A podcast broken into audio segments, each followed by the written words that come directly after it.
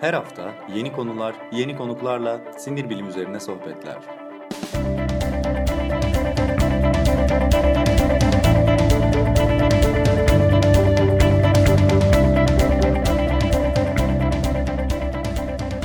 Neuroblog Podcast başlıyor.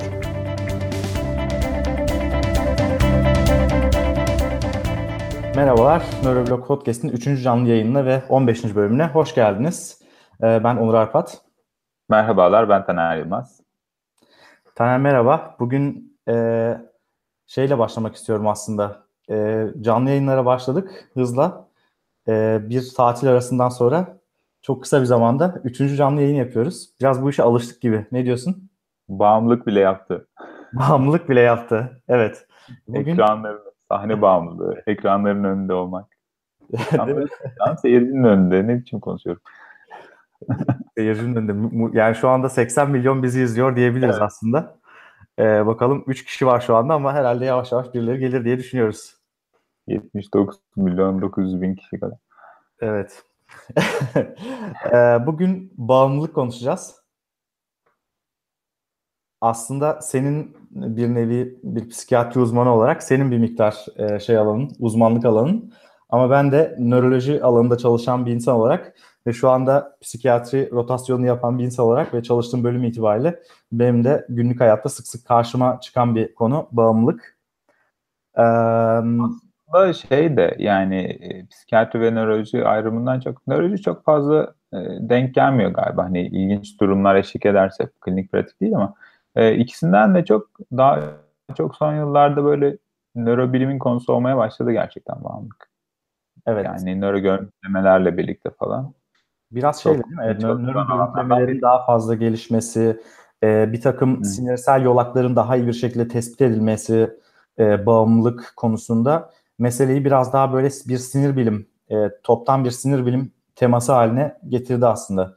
Psikiyatri bunu sadece biraz işte şey kısmı yani e, bir bağımlı bir hasta geldiği zaman iyileştirilmesi için psikiyatra gidiyor ya da işte psikiyatri servisine yatırılıyor. O anlamda belki psikiyatrik bir hastalık denilebilir ama tam anlamıyla sinir bilimsel bir hastalık aslında her yönüyle.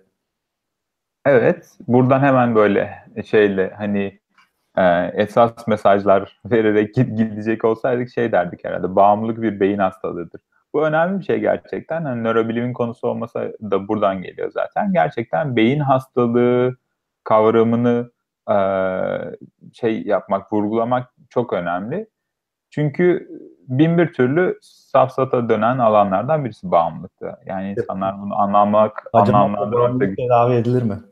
ya büyük ihtimalle yapıyorlardır. Hacamat değil ama alternatif birçok yöntem zaten. Yani, okutmak, üfletmek, işte evet. oğlan serseri oldu işte alkole daldı bilmem ne falan deyip hocalara götürmek falan işte dinden çıktı bilmem ne diye. Bu aslında var ya bu değil mi? Baya baya var yani dini bir tarafı olduğu için alkol özel, özelinde hani yasak dinen haram vesaire dendiği için e, biraz böyle dini bir şey de oluyor. Reaksiyon da oluyor e, bağımlılığa karşı. Yani şimdi dinin yasağına bağımsız olarak da şöyle bir şey oluyor. Çünkü mesela e, batıda da oluyor. Yani daha e, popülasyonun çoğunun Hristiyan olduğu ve alkolün yasak olmadığı topluluklarda da. E, böyle dinin ya da buna benzer motivasyonel tarafların yeri oluyor. Çünkü gerçekten motivasyonel bir şey var, yaklaşım var. Motivasyonel görüşme teknikleri ve motivasyonel ve terapi yaklaşımları var. Gerçekten işe de yarıyor. Bu aslında biraz onlardan birisi. Bu alana o yüzden açık insanlar. Yani psikiyatrinin alanı olmasının sebeplerinden birisi de bu. Yani bunun terapi ile çalışılması gereken davranış değişikliği gerektiren önemli bir kısmı var. Ama meselenin altında yatan tabii nörobiyolojik temeller de ilgi çekici. Tamam o zaman şöyle başlayalım. E, bağımlılık dediğimiz zaman biz programdan önce biraz konuşurken şöyle başladık. İşte bağımlılığın aslında temelde ikiye ayırabiliriz diye düşündüm ben. Bir tanesi maddesel bağımlılıklar yani madde bağımlılıkları. E, bir tanesi de davranışsal bağımlılıklar diye düşünmüştüm ben. Hani sen ne kadar buna e, şey yaparsın bilmiyorum. Madde bağımlılıkları bildiğimiz bağımlılıklar işte işte sigara, alkol, e, kokain, eroin, işte metamfetamin, amfetamin, işte çeşitli maddelerin e, bağımlılıkları. Davranışsal bağımlılıklarda daha ziyade işte, e, işte cep telefonu bağımlılığından kumar bağımlılığına kadar, seks bağımlılığından işte internet bağımlılığına kadar e, ya da işte benzeri davranışsal bir takım bağımlılıklar da var aynı zamanda. Direkt olarak maddesel olmayan e, ama bir şekilde beyinde benzer bir mekanizmayla nükleus accumbens'in e, aşırı aktivasyonu üzerinden e, giden e, bir e, bazı şeyler var. Davranışsal bağımlılıklar da var. Sen bu klasifikasyona, bu şeye e, tanımlamaya katılır mısın? Şey diye düşünüyordum, kendi grubumuza nükleus accumbens'iler gibi bir ara o Oxytocin tayfa vardı ya, biz de nükleus accumbens'e o kadar çok vurgu yapıyoruz ki nükleus, nükleus accumbens'i ve dopaminciler olarak adımız çıkacak. Her şey oksitosin değildir, her şey nükleus accumbens de değildir. Bunu bir kenara not edelim dinleyicilerimiz için. Ee, şöyle düşünüyorum ben, burada bu fena bir sınıflama değil yani davranışlar ve madde çünkü e, ayrım şuradan burada hani nükleus accumbens'i dopaminerjik yola uyaran bir direkt biyolojik bir etken var. İşte madde vücuda giriyor, gidip oradaki yolakları uyarıyor. Alkol de birazcık farklı bir mekanizma yani sedatiflerde başka şeyler de oluyor ama daha uyarıcılarda dopamin daha fazla oluyor gibi ufak farklılıklar olmakla birlikte bağımlılık hep oradan yürüyor. Yani hep nükleus accumbens üzerinden. Fakat davranışla bunu bu kadar ayırmak e, mümkün olabilir mi acaba gibi bir şey de var. Ben de şöyle bir şey önerebilirim buna karşılık. E, senin söylediğin sınıflama doğru. Yani bence de geçerli. Kurtların önüne atma Taner. Efendim? Beni kurtların önüne atma. Benimki de doğru değil mi? Bilemiyorum. Şu an linç geliyor olabilir sana. Bir de şöyle ayırabiliriz aslında. Ee, bir böyle gerçekten biyolojik etkenle bağlı olarak onun uyarıcılığı veya işte yarattığı uyarım bu uyarı, uyarım demek daha doğru. Her zaman uyarıcı yani eksitatör bir şey olmak zorunda değil. Bazen sedatif, hipnotik etkiler de olabilir. Yani daha baskılayıcı, uyuşturucu etkiler de olabilir. Onun yarattığı bu etkiye bağlı olan veya onun dışında kompulsif davranışla gidenler de olabilir. Bağımlılıkların içinde zaten kompulsif davranışlar çok sıklıkla oluyor. Hani geçen bölümde de şeyden bahsettik ya adamcağız o e, ağır obsesyonları var. E, beynine bir müdahale yapıyorlar. Nükleus accumbens civarına yapıyorlar. Çünkü zaten kompulsif davranışların hani kaudat nükleosun olduğu alanlar, hani oralar da OKB'de çok aktif olan yerler. Bağımlılığın bir taraftan da böyle kompulsif bir hareket. Kompulsif de şey e, yani e, saplantılı davranış tekrar eden, engellenemeyen, yapılmadığı zaman insanda bir rahatsızlık hissi uyandıran davranış demek. Mesela obsesif kompulsif bozuklukta bunu nasıl görüyoruz? İşte örneğin işte temizlik obsesyonları olan bir insan için ellerimi yıkamalıyım. Tekrar tekrar yıkamalıyım. Yıkamazsam rahatsız oluyorum çünkü kirli geliyor bana gibi. Ee, bağımlılıkta bu böyle gitmiyor ama şöyle olduğunu çok sık görüyoruz. Mesela. Bir tane içeceğim. Yani tek bir şey içeceğim ile başlayıp sonra kendini tutamayıp işte bayılana kadar, blackout olana kadar, sızana kadar içme kompulsif bir davranış aslında. Evet doğru. Öyle bir obsesif kompulsif bozuklukla da öyle bir bağlantısı var. E, hem sinir bilimsel olarak hem de davranışsal olarak aslında. Şimdi şöyle şuna gelelim. Ya ben bir tane içtim bana bir şey olmadı. Beş tane içtim bana bir şey olmadı. İşte ama bir arkadaşım vardı bir tane içti. Bir içiş o içiş toptan bağımlı oldu işte 30 yıldır içiyor. Yani böyle bir şey var değil mi? Herkes eşit derecede bağımlılığa yatkın değil. Bağımlılığa yatkın olan bazı insanlar var ve bağımlılığa yat, pek de yatkın olmayan başka tür insanlar var. Bunun da e, aslında genetik e, bir takım şeyleri var, e, temelleri var. Bizim bildiğimiz e, kadarıyla delta fos B denen bir e, gen var. Bu gen önemli bir transkripsiyon faktörü e, şey yapıyor, kodluyor ve bu gene sahip kişilerin biz bağımlılığa daha yatkın olduğunu sadece maddesel bağımlılıklara değil davranışsal bağımlılıklara benim sınıflandırmamda daha yatkın olduğunu biliyoruz. Ee, ama onun dışında hakikaten yani sadece genetik değil bu mesele. Aslında sosyal ve psikolojikte çok fazla şey var. E, bir yönü var bağımlılığın. Ama hakikaten böyle bir şey var değil mi? Yani herkes eşit derecede bağımlılığa yatkın değil. Yani tamam bazı maddeler mesela eroin ya da kokain gibi e, bağımlılığı çok yüksek maddeler e, bir defa kullanmakla da bağımlılığa düşürebiliyor e, insanları. E, ama başka bazı maddeler e, düşüremiyor ya da bazı insanlarda bir kere kullanmak bile bağımlılığı e, tetiklemek için yeterli olurken bazılarında tetik, e, yeterli olmuyor. Buradan belki gidebiliriz biraz. Ee, şöyle mesela e, bir tane içtim bana bir şey olmadı ya da ben 10 tane içtim bir şey olmadı. Ee, arkadaşım bir taneyle e, işte çok etkilendi, yamuldu vesaire sarhoş oldu. Mesela alkolden bahsediyorsak ya da hatta e, sarhoş olmayı da geçti aynı miktar içkiyle hani artık o yan etkiler, kusma, bulantı, işte flushing, sıcak basması falan örneğin alkol için e, yaşıyor diyecek olsak mesela burada aklıma gelen şöyle çok temel bir şey var mesela bu ikinci arkadaş Japon olabilir. Çünkü şöyle özelliği var.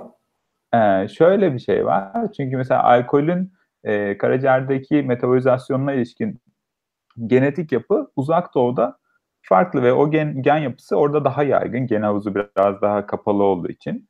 Ve gerçekten e, işte uzak doğulular alkole çok daha fazla duyarlı. Yan etkilerine de daha duyarlı. O yüzden bağımlılık geliştirme riskleri düşük. Çünkü yan etkilerini fazla yaşıyorlar. Yani metabolize edip atarken o yan e, ürünler oluşuyor ya. E, işte onları aldehitler vesaire. Hı hı. E, onları vücuttan atmakla ilgili bir aslında orada bir problem denebilir mi buna? Denebilir. Hani o toksik maddeyi atamadıkları için e, daha küçük miktarlarla daha çok etkileniyorlar. Yan etkiyi daha çok yaşadıkları için istenmeyen etkileri. O yüzden de mesela genetik bu açılardan da etkiliyor. Hani sadece Evet. keyif almayı değil, sonrasını ya da ne kadar keyif aldığımızı da belirleyen bir yan var elbette. Yani sadece Japonlarda değil aslında kadınlarda da var. Kadınlarda da var. Ee, kadınlarda da Özellikle alkol eşiğinin daha düşük olması ile ilgili bir şey. Orada birkaç tane faktör daha var. Mesela vücut yağ dağılımı, işte işte vesaire gibi metabolizasyon. Ama mesela uzak doğuda e, toksik ürünlerin vücuttan atılamaması ve o hani akşamdan kalma halinin ya da çok sarhoş olma halinin birden ortaya çıkması e, gibi düşünebiliriz. Mesela herhalde şey Japonların alkolizm problemini kısmen çözüyordur muhtemelen yani herhalde Evet. bağımlılığı daha bağımlı bağımlılık oranları azdır yani dolayısıyla. Evet. öyle bir- oluyor zaten. Bilmiyorum ben şeyin Mesela bunun tersinde şey gibi düşünebiliriz yani muhtemelen İrlandalılarda da tam tersi çalışıyor. yani o İskoçlar. İrlandalılar bunlar tehlikeli milletler. İskoçlar Bunu- söylerim deneyimsel olarak. Evet yani orada o kadar içebiliyor olmanın da genetik bir tarafı var. Yani buradan böyle kaba taslak uzak bakarken bile böyle bir ayrım olduğunu ve bu yüzden genlerin de etkilediğini söyleyebiliriz. Evet. Ya bu arada biz böyle paldır küldür gir- girdik konuya ama yani hakikaten bilmiyorum. Biz zaten zararlarından falan bahsedeceğiz ama hani alkol sağlığa zararlıdır uyarısı yaparak mı başlasaydık ya da işte madde kullanımı sağlığa zararlıdır gibi bizim için absürt olabilecek bir uyarı yaparak mı başlasaydık bilemedim yani. Hakikaten zararlıdır ve aslında bunu konuşuyoruz tamamen bunun üzerinden.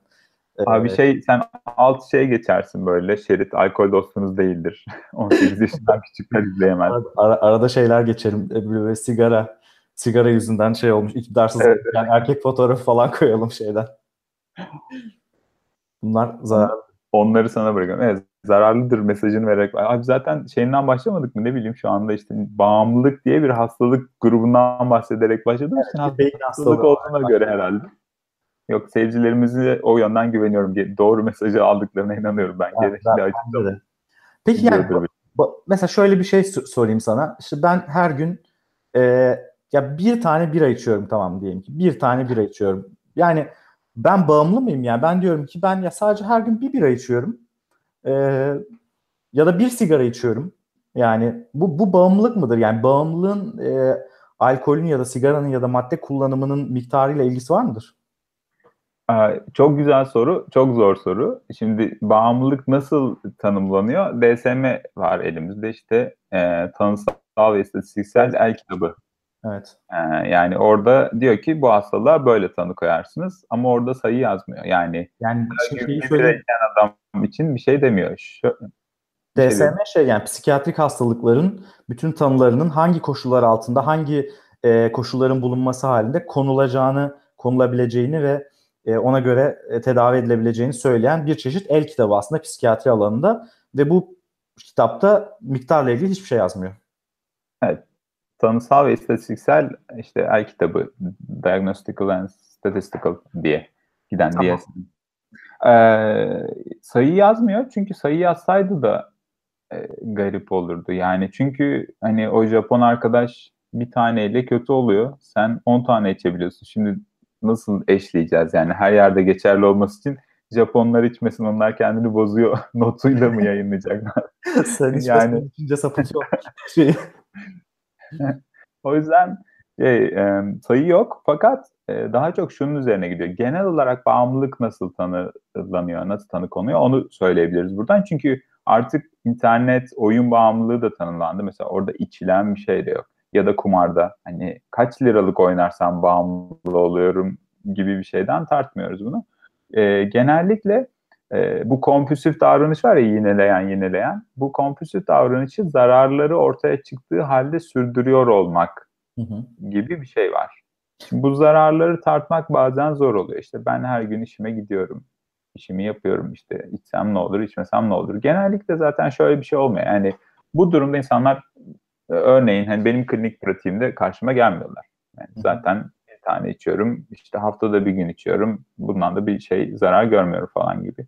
O yüzden zaten kliniğe başvuru bir zarar görme, bir yan etki, yan tesir görme e, ile geldiği için oradan tanıya başlıyor. E, o yüzden DSM'de tanıyor öyle koymuş. Bir sayı yok. Ben... Eski formlarda şeyler vardı. Hani böyle bir zararlı kullanım bağımlılık ayrımı vardı. Şimdi e, o da o kadar net değil. Hani kötüye kullanmakla bağımlılık arasındaki sınır o kadar net değil artık e, şey DSM 5 ile birlikte. Fakat riskli kullanma sayıları var. Hı, evet yani, yani şey bu, eğer bu sınırın üstünde içiyorsan bağımlı olmaya çok daha hızlı gidiyorsun. Evet. Ee, diye ortalama sayılar var. İşte bu yanlış hatırlamıyorsam 17 standart içki ile 21 standart içki kadınlıkları e, böyleydi. Yani bu haftalık e, bazda. Evet. Ee, ben bu tanımı ararken şöyle şeyler buldum. Üç tane kriterden bahsetmişler. Yani şu üç kriter e, önemli bir gibi geliyor bana. E, bir kere bir bağımlı madde kullanımının miktarını kontrol edemez genellikle. Yani bu klinikte çok karşımıza çıkan bir şeydir. E, yani bir içmeye başlar, işte atıyorum 3 bira iç, içmek niyetiyle başlar. Sonra 5 olur, 7 olur, 9 olur, sızana kadar yani bit, bitene kadar artık gücünün tükendiği noktaya kadar içer ve bunun kullanımını kontrol edemez. Yani hani ya ben de şu güzel yemekle bir işte bardak şarap içeyim falan gibi bir e, şey yoktur yani durum yoktur ya da öyle başlasa bile orada e, bırakamaz. İkincisi e, zihni ve vücudu sürekli maddeyle meşguldür. Yani sürekli diyelim ki atıyorum gün içerisinde çalışırken bile diyelim ki bir yerde çalışıyor bir firmada çalışıyor ve e, gün içerisinde tabii ki e, alkol tüketemiyor ya da işte diğer e, bağımlısı olduğu maddeyi tüketemiyor ama hep onun hayaliyle, onun düşüncesiyle ya şu gün bitse de bir gitsem bir işte bir bira açsam falan ya da işte bir vodka içsem falan gibi bir şey var. İkinci kriter bu. Bir de e, bu çok önemli bir kriter ki bize kliniğe genellikle bu şekilde geliyor hastalar. E, en kötü durumda. Kötü sonuçlarını görmesine rağmen kullanmaya devam ediyor ve bunun üzerinden daha kötü sonuçlar şey yapıyor. Mesela adam farkında e, her gün alkol alıyor alıyor ve iş, işine geç kalıyor e, gidemiyor. İşte işte hasta oldum vesaire falan filan. Bir yerden sonra bunlar iyice abartılıyor ve e, adam işini kaybediyor, işinden oluyor. Ama alkol kullanmaya ona rağmen devam ediyor. Yani bu bu üç kriter aslında az çok klinikte bizim sıklıkla gördüğümüz alkol bağımlılık bağımlılarını e, iyi tanımlayan kriterler diye düşündüm ben okuduklarım arasından. E, evet şey de e, mesela diğer bağımlılıklarda da aynı şeyi söyleyebiliriz. İşte internet bağımlılığı mesela ilişkisi insanlarla olan ilişkilerine, ilişkisine zarar veriyor örneğin ya da iş yapma şeylerini, e, yetilerini da kabiliyetini bozmaya başladığı halde durduramıyor kendini gibi ya da miktarı işte ben Facebook'a bir bakıp çıkacağım diye girip sonra 4 saat sonra işte elinden telefonu e, bırakabiliyor ya da bırakamıyor gibi diğerlerine de uygulanabilir bunlar aynı zamanda. Bir de şey diye bir laf vardı işte e, of çok içmişim işte bugün de akşamdan kalma nasıl çalışacağız deyince değil de işte şu gün bir bitse de akşam gidip içsek deyince bağımlılık. Gerçekten böyle bir laf şeyde de vardır. Hani evet. böyle günlük hayatta da kullanılan bir e, mesele haline gelmiş. Alkolden konuşuyoruz sürekli ama yani alkol biraz daha yaygın görülen bağımlılık olduğu için batıda. evet. o kadar aslında ön planda değil. Şimdi aramızda bir fark var hocam. Sen orada daha çok alkol bağımlısı doğru ya, ben, Evet doğru söylüyorsun. Ben Almanya'da Almanya. daha çok e, alkol bağımlılığı görüyorum. Kısmen kanabis bağımlılığı yani marihuana bağımlılığı görüyorum. Çok ender eroin, işte amfetamin çok ender derken yani işte 100 tane bağımlılık hastası geliyorsa bunun 70-80 tanesi alkoldür. 5-10 tanesi kanabistir. Geriye kalanları eroin, amfetamin işte vesaire vesairedir. Ee, bilmiyorum Türkiye'de daha mı farklı bu durum? Alkol oranları e, şimdi alkolün regülasyonu ile ilgili şeyler de çıkarılırken karşılaştırılıyor ya. Alkol bağımlılık oranları batıya göre çok düşük. Hmm. Bayağı Türkiye'de hala. Alkol çok ee, pahalandı yani tabii bunu almak da zor zorlaştı gerçekten. Ya şaka bir ara... falan ama gerçekten çok pahalandı Türkiye'de alkol ve yani alkol bağımlısı olmak bayağı lüks bir şey haline geldi herhalde. İnsanlar bağımlı da mı olamasın gibi oldu bu. Şey, e, yani e, bu iyi bir şey tabii alkol bağımlılık oranlarının daha düşük olması. Şey konusunda biraz e, şu yüzden de söylemek istedim. Yani aslında e, madde bağımlılığı da çok ciddi bir mesele ve ona da çok çalışılması gerekiyor. Yani alkol daha çok gündeme geliyor. Daha kolay, tanımlaması daha kolay, anlatması daha kolay. E, herkes daha çok tanıyor ama mesela diğer maddeler işte kanabis dedin, sentetik kanabinoidler yani bonsai adıyla bilinen maddeler falan da felaket yani aslında bir yandan bakınca. Evet, evet. Ee, alkolün bu kadar pahalanmasıyla birlikte nasıl gidiyor tam nedir istatistikler nasıl oluyor onları da aslında çalışmak lazım. Çünkü e, bir şekilde böyle bu street rock şeklinde gelirken yasal sentetik bir şekilde gelince çok daha kolay e, yani aslında bir bitki yetiştirmekten daha hızlıca üretilebildiği için belki ve çok da ölümcül ve nasıl etkiliyor acaba diye de. Çok da fena aslında biz e, Almanya'da bunları pek görmüyoruz ama Türkiye'de gerçekten bu bonsai vesaire kimyasal ilaçların bağımlılıkları çok daha kötü noktalara varmış durumda galiba. Bir soru gelmiş demiş ki e, ksantin oksidaz bir enzim ismi ama hangi ne işe yarıyordu hatırlamıyorum. Tıp fakültesini hatırlıyor musun Taner? Neyse soruyor ki kalp damar sağlığı için her gün bir kadeh kırmızı şarap önerisine karşı çıkanlar vardı. Her gün bir kadeh olmaz. O bir kadeh Krebs mutlaka artar deniyordu. Hı? Krebs siklüsünden bir arkadaştı galiba. o kadarı geldi ama. Ne diyorsun ee, peki bu, bu, bu şeye yani her gün bir kadeh olmaz o kadehin miktarı mutlaka artar deniyordu. Aa, bilmiyorum. Yani şey gibi buradaki şu faktörü bilmiyoruz ya genetik yatkınlık. Her gün bir kadeh biraz fazla gibi geliyor bana hani böyle bakınca ama hani mesela e, bir haftada birkaç gün bir kadeh içiyorumla durabilen gerçekten durabilen insanlar var. Yani böyle bir fark var arada. O genetik kısmı da çok etkiliyor. Bazı insanlar gerçekten duramıyor ve duramayacakları da belli oluyor. Şimdi o yüzden herkes birer kadeh içsin. Duramayanlar bağımlıymış. Onları anlarız da çok iyi bir yol değil herhalde. Geliyor ya. Yani hani mesela ya kemiklerinde bir sorun varsa işte çok e, kolay kırılıyorsa kemiklerin şimdiye kadar da birkaç kere kolunu bacağını kırdıysan işte yani bu kışta kayağa gitme yani. Ya, yapma o kayak sporunu. Başka bir spor bul kendine onu yap gibi. Yani eğer bağımlılıkla ilgili bir şeyin varsa, bağımlılığa yatkınlığın varsa ailende ya da kendini tanıyorsan o bir kadeh şarabı kenara bırakmakta, o kalp damar riskini göze almakta fayda var gibi geliyor ama yoksa böyle bir şey hakikaten bir kadehle durabiliyorsan ki duran çok fazla insan var. O zaman okeydir diye düşünüyorum. Ee, şeyden e, Şeref Karabulut oyun bağımlılığından bahseder misiniz demiş. Ve sorulara da bakalım. Interaksiyon güzel bir şey. Soru soranlara da teşekkür ederim. Ee, şey aslında çok kısacık bir bahsettik hani bu bir davranışsal bağımlılık diye. Ee, şöyle birkaç tane yanı var aslında benim söylemek istediğim birkaç şey var bununla ilgili. Birincisi internet ve oyun bağımlılığı şeklinde ikisini ayrı ayrı ve birlikte sınıflayan ve bunun için tanı kriterleri geliştiren çalışmalar yapıldı artık tanımlanmış biçimde. Az önce bahsettiğimiz bizim tanısal el kitabına henüz girmedi.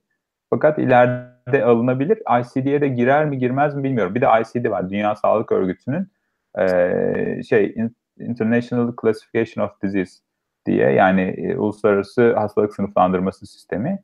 E, orada da yine benzer bir sınıflama var. Oraya girer mi bilmiyorum ama girmesi muhtemel. Artık onlar da bağımlılık kategorilerine alındı. Şöyle ben burada birkaç tane e, farklı nokta olduğunu düşünüyorum. Mesela e, daha önceden de sosyal hayatını daha içe dönük geçiren insanların bu kategoriye çok dahil olmaya eğilimli olabileceğini düşünüyorum.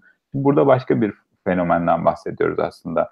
Yani haz veren maddeye yönelmek, alkol içmek, madde kullanmak işte ya da diğer bağımlılıklara yönelmekten biraz daha farklı. Çünkü o insanlar o internet öyle bir arayüz ya hani onunla meşgul olabiliyor evdeyken. Başka bir şey yapıyorlardı belki de kendi kendilerine ve onları çok belki görmedik. Mesela geçen gün bir psikiyatr e, arkadaş şey dedi. Yani bu mesela bu tekrarlı davranışı o kişinin mesela kitap okumak olsaydı bunu bir tanı şey bağımlılık olarak tanımlayacak mıydık? Biraz böyle bir grubun olduğunu da hep hatırlatıyor bana. E, sosyal kaçınganlığı olan kişiler daha meyilli oluyor buna bence. E, ve burada ama şöyle bir şey de söz konusu. Şimdi çocuklar çok küçük yaştan itibaren internet ve oyunla birlikte büyüdükleri zaman sosyalleşme becerileri de daha kısıtlı kalma riskiyle karşı karşıya. Şimdi böyle bir şey yani bir, bir anlamda elimizde inşa ediyormuşuz gibi bir halde oluyor. Ama gerçekten bağımlılık olduklarına dair hiçbir şüphe yok. Çünkü uzak kaldıklarında hani yoksunluk bulgusu diyebileceğimiz şeyler gösteriyorlar. Çok huzursuzluk, rahatsızlık yaratıyor. Ee, ondan sonra e, işte mutlaka hayatlarının büyük bir bölümü orada geçiyor ve onu yapabilmek için, onunla meşgul olabilmek için sürekli e, başka şeylerden feragat ediyorlar gibi gibi. Yani aslında bağımlılık işte bir maddenin peşinde koşturup onu bulup almak, kullanmak, işte onun için para bulmaya çalışmak falan çok benzer işliyor öyle bakınca da. Evet. Yani bu, zaten bir de giderek de büyüme ihtimali yüksek şeylerden, bağımlılıklardan biri olabilir galiba. Çünkü çok küçük yaşlarda artık çocuklar oyunların içerisine doğuyorlar ve onların içerisinde yetişiyorlar. Ee, yani eninde sonunda bu biraz şeyle hani exposure ile ilgilidir ya yani sen işte ne bileyim sigaraya 12 yaşında sigara içilen ortamdaysan senin sigara bağımlısı olarak oradan çıkman çok daha kolay ama ilk 30 yaşındaysa yani biraz daha düşük oluyor genel olarak hani ama oyunda da aynı şekilde yani hani nerede maruz yani ne kadar erken ve ne kadar çok maruz kalıyorsan bir şeye bağımlı olma ihtimalin de bir nevi artıyor aslında. Bağımlılık yapıcı bir madde ya da oyun ya da bir davranışsa bu. Öyle bir şey var. Bu, bu oyun bağımlılığı ya da internet bağımlılığı aslında giderek büyüyecek diye bir tahminde bulunmak çok yanlış olmaz e, muhtemelen diye düşünüyorum. Evet temel şeylerden birisi bu çünkü yani ulaşılabilir olan şeye bağımlı oluyoruz. Yani evet, yani, görmedikleri bir maddeye bağımlı insanlar olmuyor. Mesela LSD çok daha az idi. Belli bir dönem çok fazla dünyada hani kullanılmış olsa da sonrasında piyasalarda işte o sokak piyasasında bulunmamaya başlayınca ona bağımlı olan insan sayısı azaldı. Yani ulaşılabilirlik çok önemli bu hat safhada. Yani şekilde mesela e, galiba Türkiye'de daha fazla Almanya'da neredeyse hiç kokain bağımlılığı diye bir şey yok. Çünkü kokain gerçekten çok az bulunuyor muhtemelen piyasada. Hı hı. E, haliyle e, kokain bağımlılığı diye bir şey de e, ortaya çıkmıyor gibi bir şey yani. Hani ne varsa e, onun bağımlısı oluyorsun aslında. Ya da mesela işte yani kokain bağımlısı olan insan belki heroine maruz kalsaydı bir şekilde heroini bul heroin ne? Eroin ya. Şimdi söylüyorum. Diller karıştı. E, eroin bağımlısı eroini bulsaydı, eroine maruz kalsaydı eroin bağımlısı olacaktı. Yani hani bu çok da e, şey değil aslında. Yani öyle düşününce. Eroin ee, Umut Sarıkaya eroini. Heroin içiyormuş. Öyle bir şey mi var? Umut Sarıkaya. bir karikatür vardı. Yani konuşuyorlar birisi şey diyor şunu kullanmış o maddeyi almış bunu almış falan. Anneye gelince anne hepsini birleştirip heroin içiyormuş. o kadar da dallandırmaya budaklandırmaya gerek yok. Ya bu arada bu, bu bir şey vardır. Yani e, şimdi şey durumu var, var da hani demişler ki işte e, alkol bağımlılığı sorunu yaşayan birine nasıl önerilerde bulunabilirim gibi bir soru gelmiş. Kimden? Şeref Karabulut'tan. Bir kere yani alkol sorunu yaşayan insanın her şeyden önce galiba e, sen buna belki biraz itiraz edebilirsin ama tedavide birçok psikiyatrik hastalığın tedavisinde ama özellikle bağımlılığın tedavisinde e, en önemli şeylerden bir kriterlerden bir tanesinin ben şey olduğuna inanıyorum. Yani insanın kendisinin hasta olduğunun ya da bağımlı olduğunun farkına varması. Türkiye'de de vardır ya bu. Mesela şey vardır çok klasik bizim türküsü bile var. İşte ya ne olacak ya işte rakı içenler öldü de su içen ölmedi mi? Hani bir içiyoruz işte ne olacak ee, bir şey olmaz falan. Hani bana bir şey olmaz anlayışının bir şeye madde bağımlılığına yansımasıdır belki. Yani her şeyden önce galiba insanın ee, şey olması, bunun farkında olması, bunun bir sorun olduğunu kabul etmesi galiba e, alkol bağımlılığının tedavisinde en önemli şey. Ama bu soruya nasıl bir cevap verirsin onun dışında mesela alkol bağımlılığı soruya, sorunu yaşayan birine nasıl önerilerde bulunabilirim? Ee, tedavi sürecinde şöyle ikiye ayırıyoruz zaten. Temel ayrımlardan birisi bu. Farkındalık öncesi dönem ve farkındalık diye. Senin dediğin çok doğru yani. Ee, çünkü bir kere şöyle zorla bağımlılık tedavisi olmuyor yani. Hani zorla ne yapacağız? O insanlar tabii ki bir süre uzak kalabilmesini sağlayacak şartlar olsa iyi gelebilir bazen ama e, kişinin gerçekten bağımlı olduğunu kabul etmesi aşaması çok önemli. Fakat şimdi böyle deyince de e, şey gibi yani o zaman hiçbir şey yapmayalım mı bekleyelim. O, bir gün idrak ederse tedaviye başvursun falan. Böyle de yapmıyoruz. Genellikle durumu konuşulabilir hale getirmek iyi bir şey oluyor. Yani e, o sorunu tamamen hani ya şey yap hani kendin fark et çöz ya da fark etmiyorsan da ne halin varsa gör yerine neler olduğunu biraz konuşmak insanların bu farkındalık kısmına katkıda bulunuyor. Çok ben bu şekilde çok e, tedaviye ikna olan fayda gören insanları gördüm. Yani hiçbir sorunum yok diye başlayıp sonrasında hani ne olup bittiğini konuşmaya e, açık hale geliyorlar. Zaten işte terapi kısımlarında bunlar da önemli. E, müdahale kısımlarında da bunlar çok önemli gerçekten. E, öneriler yani şey kısmında öneriler belki bir hani durumu değerlendirmek. Gerçekten hiçbir sorun yok mu? Bundan emin olmak için biriyle görüşmek, bağımlılık alanında çalışan birileriyle görüşmek falan iyi fikirler olabilir. Yoksa Hani Doktora senin dediğin gibi. Etmek. Yani bir şekilde sorun olup olmadığını teşhis etmek için bir kere her şeyden önce doktora gitmeye ikna etmek. Bazen bu ikna, yani özellikle hala fonksiyon görebilen, hala çalışabilen, üretebilen ve işte şey yapabilen bir insansa o çok zor olabiliyor e, büyük oranda. Yani git gitmeye ikna etmek, bunun bir sorun olabileceğini ve teşhis edilmesi gerekebileceğini ikna etmek hastaları çok sorun olabiliyor. Evet yani o kısımlarda zorluk olabiliyor. Çünkü zaten şöyle bir şey de var. Bağımlılık hani şöyle bir e, paket halinde gelir tabii. Şey, yani kişi o e, kullandığı maddeyi o her neyse alkol de bir madde olarak sayarsak yani seviyor sonuçta. Ve şu şunu idrak etmek lazım herhalde en önemli noktalardan birisi şu. E, başvuran kişiler olunca ben de bunu söylüyorum. Yani sevmesi geçmeyecek, geçmesi de gerekmiyor. Severken ayrılmak gibi olacaksa öyle olacak. Yani hani illa o duygusu değişecek diye de beklemek gerekmiyor bazen. Ee, biraz böyle hani durumu onunla konuşabilmek gerçekten fark yaratıyor. Bu arada hani arada şey şarkılar, türküler derken her içen bağımlı ya da hiç kimse alkol almasın falan gibi bir derdimiz yok. Yeşilay, Yeşilay pro yapma yani desteklemiyor bu yayınımızı o yüzden. evet evet hepimiz dönem dönem alkol alıyoruz. Ee, keyif maksadıyla. Hatta şu anda da şeyimde falan Bakardi bardağımda sadece kola var tabii ki. Ama yayında bir bira içmiştim. Yayında içmiyoruz evet. ee, yani Ahmet Turhal demiş ki televizyonu yeni açanlar dedim. Fear of Missing Out'tan bahsetmiş miydiniz? Nedir? Fear? Hangi Missing Out abi? Birileri bir şeyler yapıyor ben kaçırıyorum olan mı? Onlar bir bilmiyorum ya. Bağımlılık detaylı sorarsa Ahmet ona yanıt verebiliriz belki. Evet elimizden geleni biraz daha bağımlılık çerçevesinde nereye denk geldiği mi bilemedim. Evet ya bu bağımlılıkla ilgili ben araştırırken enteresan şeyler de buldum. Mesela e, çok e, kötü bağımlılıklardan bir tanesi mesela eroin bağımlılığı. Belki çok kısa bahsedersek e, yani çok az bir kullanımla çok yüksek bir bağımlılık oranı var. Ve bu bağımlıların en büyük e, ölüm nedeni e, aşırı doz. Yani bağımlılıkta artık bir yerden sonra to- tolerans geliştirmeye başlıyorsun. İşte biraz eroin derken biraz daha fazla eroin oluyor. İki katı, üç katı, beş katı derken e, o kadar yüksek hani overdose denilen şey oluyor ve ölüyorsun. Burada ben enteresan bir şey gördüm. İsviçre eroin bağımlılarının aşırı dozdan önlemesini engellemek için e, eroini e, e, kontrol altında devlet eliyle dağıtmaya başlamış. E, ve hakikaten bunda da başarılı olmuş.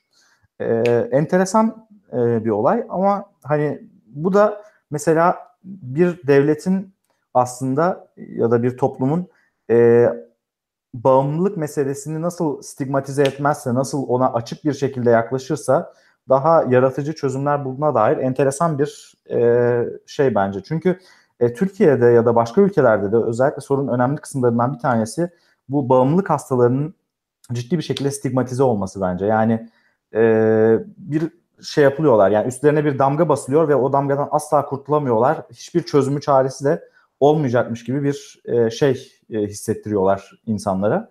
E, bir yerden sonra kendileri de boş vermişliğe savruluyorlar gibi bir his var benim içimde. Ya da öyle görüyorum en azından. E, bunu önlemek galiba çözümün önemli taraflarından bir tanesi.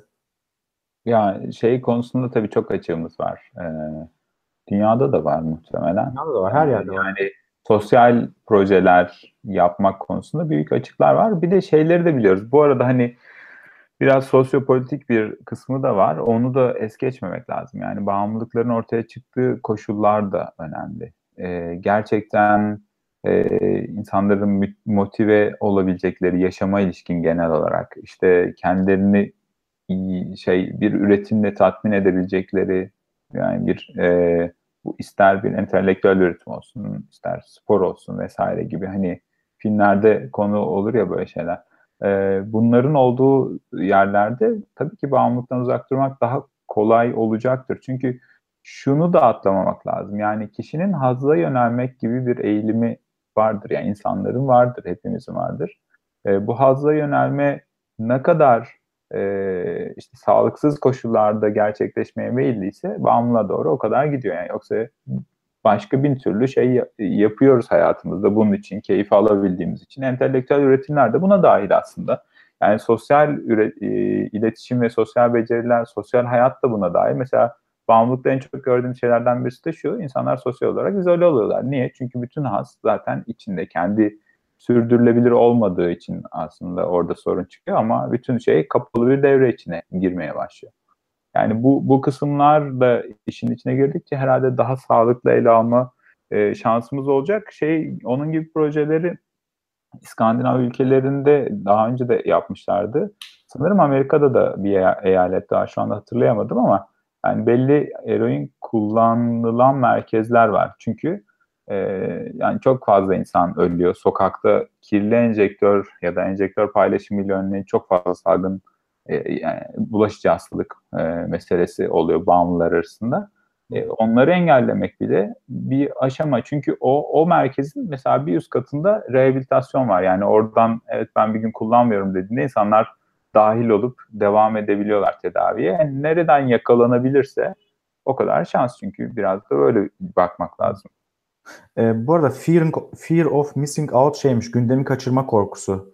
E, Twitter'dan sonra iyice artan vakalar var. Bir nevi refresh bağımlılığı e, denmiş. Yani Facebook ya da Twitter'da bir şey kaçırırsam korkusuymuş. Fear. Ben onu biraz şey gibi hani yayına başlarken de konuşmuştuk ya onu çok kompulsif davranış diye düşünüyorum. Yani Instagram'da da benzer bir şey olduğunu düşünüyorum yeni kare, yeni kare böyle hani çok böyle tek bir hareket de var ya onun içinde böyle bir evet. şey gibi ritüel gibi de bir yandan. Yani orada insan ne düşünüyor ne düşünmüyor arada. Hani bir şey okuyor ama hani o okuduklarından bir şey kazanıyor mu çok emin olamıyorum ben. Yani çünkü kalan bir şey olmuyor. Böyle sürekli bir kompulsif hareket gibi geliyor yenileme yenileme. Kaçırma kısmı da şuradan şunu unutmamak lazım. Gene sosyal alanla ilişkin insanların sosyal hayatı da sosyal medyaya sıkıştı. Yani bu böyle bir gerçeklik de var şimdi. Yani çok uzun çalışma şartları, şey saatleri çok yoğun, ağır çalışma şartlarının olduğu yerlerde hani sosyalleşme alanları da o, o tarafa kaydı. Şimdi bir şey kaçırma hissi de bence oradan geliyor biraz da. Evet ya zaten şey gibi mesela İstanbul'da yaşayan ve çalışan bir insanın, beyaz yakalı bir insanın gerçekten kaç saat akşamları kendi kendine ayırabileceği bir vakit var ki arkadaşlarına ayırabilsin e, bu vaktin bir kısmını. Yani bilmiyorum mesela Ahmet Turhal'ı tanıyorum. Kendisi e, de mesela İstanbul'da çalışan beyaz yakalı. Bilmiyorum yani insan saat kaçta şey yapıyor o söyle söyler mesela bize. Yani işten çıkıyorsun saat 5'te 6'da 7'de kaçsa eve varıncaya kadar bir trafik çilesi falan. Yani saat 8'de 9'da akşam olup da o saatten sonra bir plan yapmak mümkün değil işte. Yani hafta sonları ancak bir şeyler yapmak mümkün oluyor muhtemelen. E, öyle olunca da sosyal medyaya sıkışıp kalıyor insanlar. Sevdiği insanları görebilmek için yani gerçek hayatta tanıdığı insanları bile görebilmek için muhtemelen. Ee, Eda Özal, Özalp'in bir sorusu olmuş DMT ile ilgili. Daha önceden DMT duymuştum. Beyindeki epifiz bezine etki ediyormuş. Bilgilendirebilir misiniz diye. Bu işte party drug dediği şeylerden bir tanesi. Hatta Netflix'te de onun şeyi var. Belgeselini buldum. Ee, mutluluk e, molekülü falan gibisinden böyle bir fazla pozitif bir başlığı vardı. Ee, bir çeşit ilaç çok detayını bilmiyorum açıkçası. Bunu kullanan birkaç kişi GHB, DMT birkaç tane böyle parti ilacı var işte şeylerin içine, alkolün içine falan e, koyulan ama çok ayrıntısını bilmiyorum açıkçası. Çok da yaygın olduğunu da zannetmiyorum yani. Burada yaygın değil herhalde Türkiye'de yaygın değildir ama zaten bağımlılık üzerine başka bir program daha yapmayı düşünüyoruz. Belki bir ikinci bölüm yapmayı düşünüyoruz. Çünkü çok geniş konu, çok fazla soru da oluyor. Ee, DMT'yi şeyle ilgili ayahuasca işte ya da nasıl okunuyorsa bununla ilgili bir şeyden duymuştum ben de. Ee, bu epifizi etkileme, işte mutluluk vesaire meseleleri e, orada salgılanan bir madde vesaire gibi birazcık e, çok kesin olmayan bilgilerle böyle biraz kirlenmiş biçimde e, veriler vardı. Çok ayrıntılı olarak ben de hatırlamıyorum. E, bir şekilde bu ayahuasca aslında bir e, MAO inhibitör yani aslında bizim serotoninerjik sistemi aktive eden e, etkilere sahip yani maddeler var. Antidepresanlarda aslında evet, antidepresanların kullandığı mekanizmayı Evet, eski kuşak on, e, antidepresanları benzeri tak, onları taklit eden bir şeyler var. E, oradan e, şey yapan, etki eden bir e, işte uyarıcı ya da öfori dediğimiz mutluluk halini e, şey tetikleyen bir tarafı var bildiğim kadarıyla. Ama bunlar Demet zaten şey e, yok hiç ben rastlamadım. Evet, evet. Ya bu bağımlılığı da bilmiyorum. Ben hiç bağımlılığını da görmedim açıkçası DMT'nin yani. GHB bağımlılığı gördüm ama DMT... O da çok nadir. Türkiye'de de çok nadir GHB. Burada da çok nadir. Bir kişi gördüm hayal meyal ama onun dışında görmedim. Ee, herhalde yavaş yavaş e, sonuna doğru geliyoruz yayını. Yayının yayını bitirdikten sonra Neuroblog'dan kazandığımız paralarla aldığımız bakardilerimizi ve prolarımızı yakarak devam ederiz. Yani bilmiyorum eklemek istediğim başka bir şey var mı bununla ilgili? Herhalde ikinci program yapmak güzel olabilir. Çok fazla soru geliyor. Hepsine yanıt veremedik. Ee, daha da soru gelir muhtemelen e, bununla ilgili başka program yapsak da. Ahmet Turhal cevap vermiş abi. Evet, standart bir beyaz yaka 9-6 çalışıp ortalama 1 saatte eve gidiyor. 12'de uyuduğunu varsayarsak kendisine ayırabileceği yaklaşık 5 saati var. Yani haliyle bu 5 saatte hangi sosyalleşme nasıl olacak o yorgunlukla falan gibi tamamen. E, şöyle e, bir şey de var bence. Yani şurada şeyleri de e, şimdi mesela doktorluk yani pratiği tam beyaz yakalılık da sayılmaz ama tam değil de sayılmaz. Böyle biraz arada bir noktada. Ama şeyi biliyorum ben mesela. Beyaz hocam ya ben hep beyaz diye düşünüyordum. ya şey şeyi çok net biliyorum ama direkt plaza çalışanı hani değil yani. böyle orada artık şey şüpheye yer bırakmayacak şekilde çalışan insanlar mesela şeye de çok fazla oluyor. O çalışmalar uzuyor, eve sarkıyor, işte maillere bakmak işte vesaire falan. Yani şeyi düşünüyorum ben gerçekten bir yandan. Çalışmanın yükü ne kadar artarsa insanın hayatında bunun bir şeyi var yani bir sonucu var.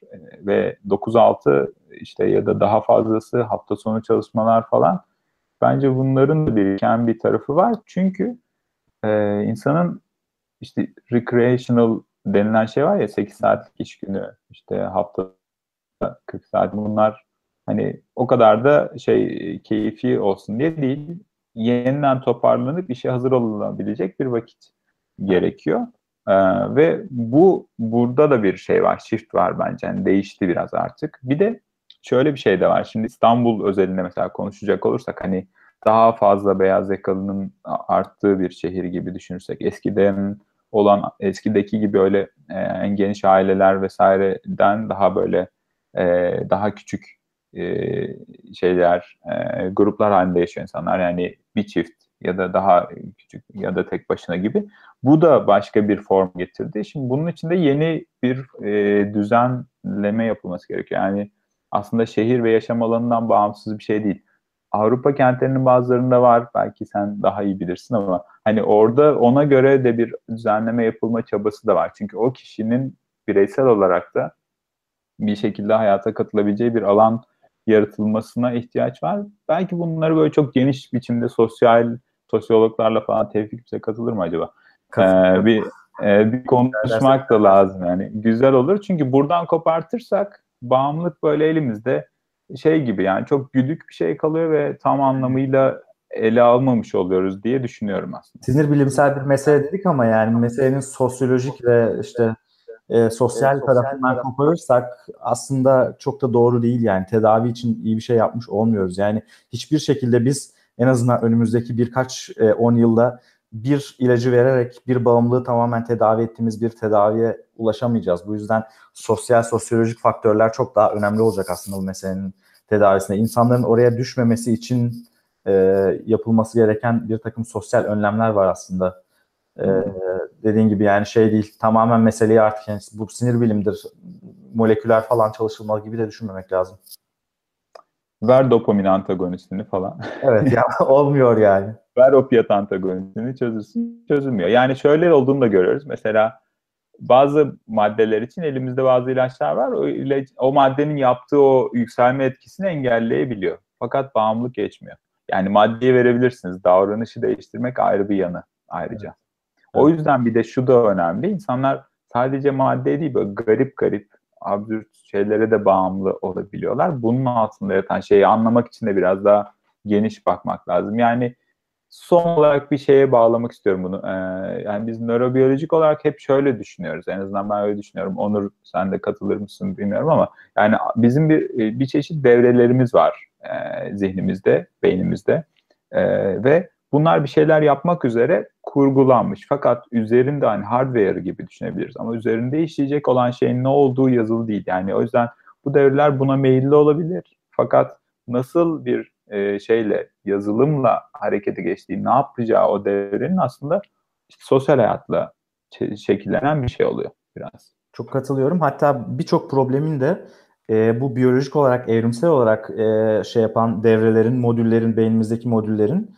evrimimizle gelişen modüllerin aslında modern sosyal hayata uymamasıyla yani sosyal evrimimizin biyolojik evrimimizi geçmesi ve e, biyolojik evrimimizle oluşan beynimizin şu anki sosyal hayatta uyuşmamasıyla e, bir takım sorunların çıktığını da söyleyebiliriz belki sonuç olarak. Çünkü sosyal hayat çok daha hızlı bir şekilde gelişirken bizim biyolojik beynimiz sadece işte çok e, yavaş bir şekilde evrimleşti ve e, bunun bir sürü derdini belasını çekiyoruz aslında e, bir anlamda.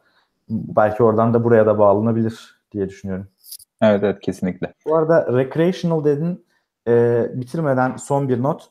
Bunun üzerine bir yazı yazdım ben. İşte kör bir insan LSD alırsa ne olur falan diye. Bayağı popüler oldu tuttu o yazı neuroblog.net'te. E, bence bu artık şey halüsinajon halüsina bu şey gibi Çiller'in böyle bir şeyi var hatırlıyor musun 90'larda halüsinasyon diyemiyordu. Halüsinojenlerin e, beyindeki etkileri ve nasıl bu etkileri yaptıklarına dair de bir program yaparsak belki çok enteresan olabilir.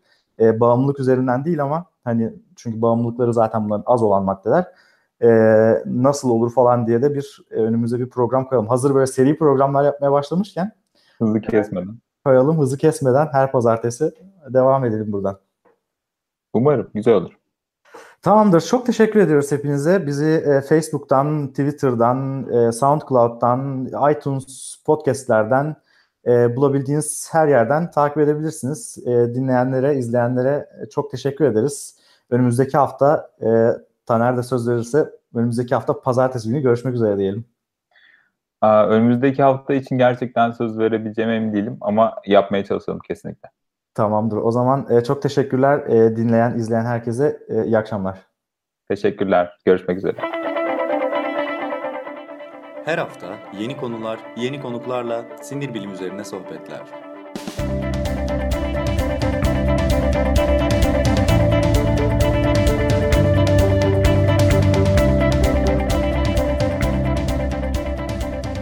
Neuroblog Podcast sona erdi.